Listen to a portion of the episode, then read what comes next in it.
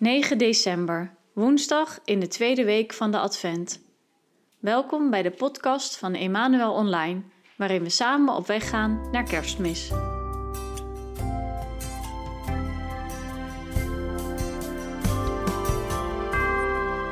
Samuel wordt door God geroepen, maar hij heeft het eerst niet door dat het God is. Gelukkig helpt de oudere Eli hem om de stem van God te herkennen. Laten we met de liederen die we zo kunnen zingen ons hart voor God openen, om zo te horen wat Hij vandaag tegen ieder van ons persoonlijk wil zeggen.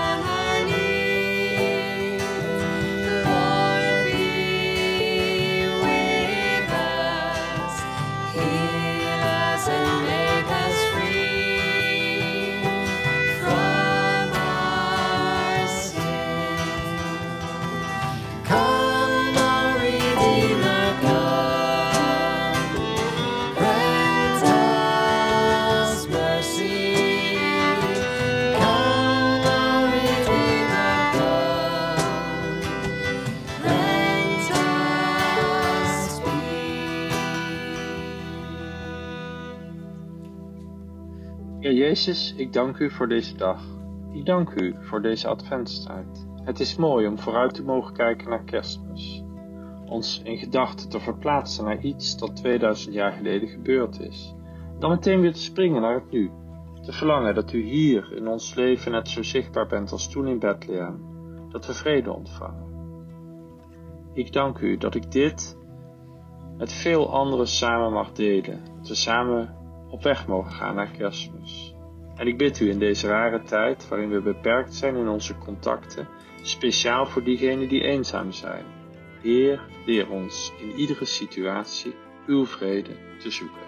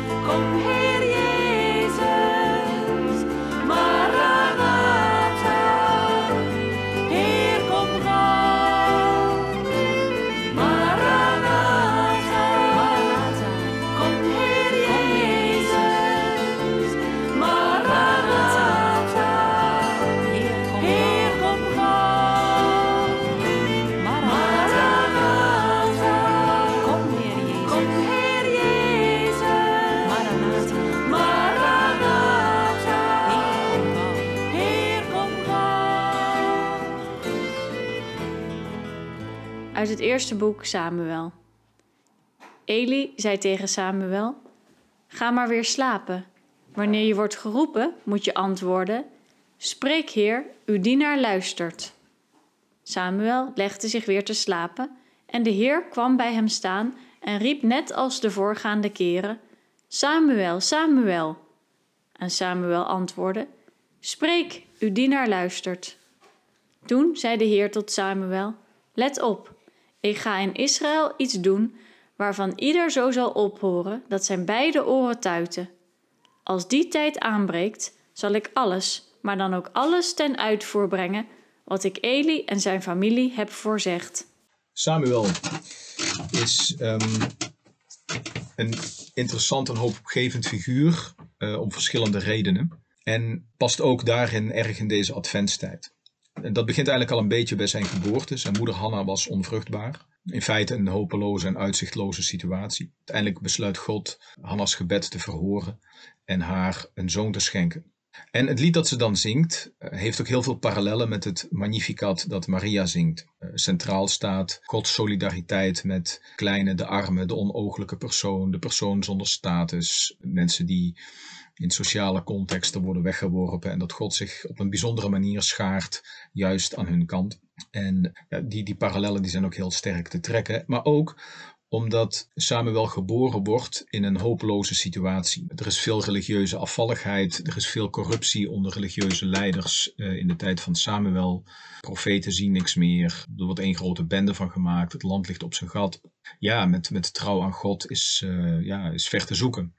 Ja, ook dat zijn natuurlijk uh, tijden die we in de kerkgeschiedenis kennen en ja, voor een deel ook in onze huidige tijd doormaken. maar God laat zien dat hij een nieuw begin kan maken. En dat hij dat nieuwe begin ook maakt, soms op plaatsen die, die we niet verwachten. Een onvruchtbare vrouw krijgt een kind. Dat kind uit dankbaarheid wordt aan God opgedragen en komt uiteindelijk bij een, een dronkaard van een, een tempelpriester.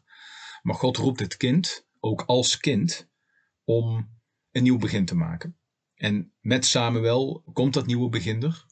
En uiteindelijk zal Samuel degene zijn die uh, het koningschap van Israël zal instellen. Hij wordt zelf geen koning, maar uiteindelijk zal hij degene zijn die het instrument van God wordt om het koningschap in te stellen. Dat koningschap zal uiteindelijk ook leiden tot de bouw van de tempel en een grote religieuze opleving.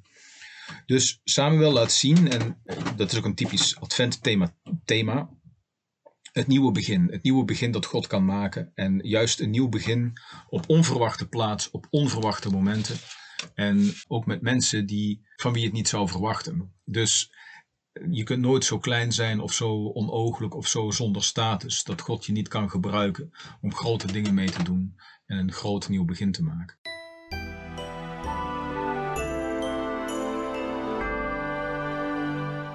Hi, ik ben Anja. Ik woon in de buurt van Nijmegen. Ik ben getrouwd. En we hebben vier kinderen. En ik um, voel me geïnspireerd door het gebed van Samuel vandaag. Spreek Heer, Udina luistert. Want het helpt mij om concreet open te staan voor wat God um, tegen mij wil zeggen. Wat, uh, wat, God in mijn leven wil doen. En ik vertaal dat dan vaak naar, uh, vertel me maar Heer. Uh, vertel me maar wat uw plan is met mij.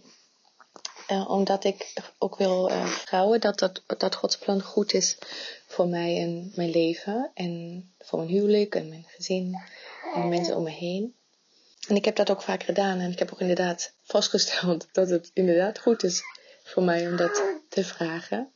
En te volgen daarin ook. God daarin te volgen. Dat heb ik gedaan natuurlijk op grote, of bij grote levensbeslissingen. Zoals um, is deze man uh, degene waarmee ik gelukkig zal zijn en die ik ook gelukkig kan maken. Is deze opleiding nu op dit moment goed?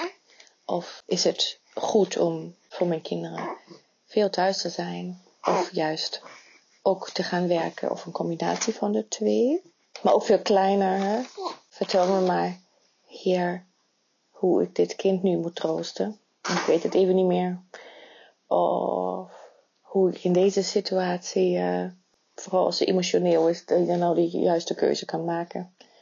Of vertel me maar, Heer, hoe ik deze persoon nu uh, kan vergeven, want die heeft me echt zeer, dat zij deed, heeft me echt zeer gedaan. Of als ik um, onzeker ben over mezelf, of twijfel over mezelf, ehm, dan bid ik ook wel eens, uh, vertel me maar Heer, hoe, hoeveel u van me houdt, hoe u van me houdt.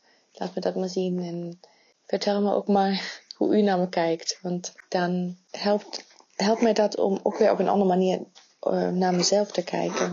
Ja, eigenlijk uh, dacht ik, zou het wel fijn zijn om eigenlijk iedere ochtend even, even te vragen van, hè, te zeggen tegen de Heer, oké okay, Heer, brand maar los. Ik, wie ben ik? En ik, uh, ik luister. Wat gaan we doen vandaag?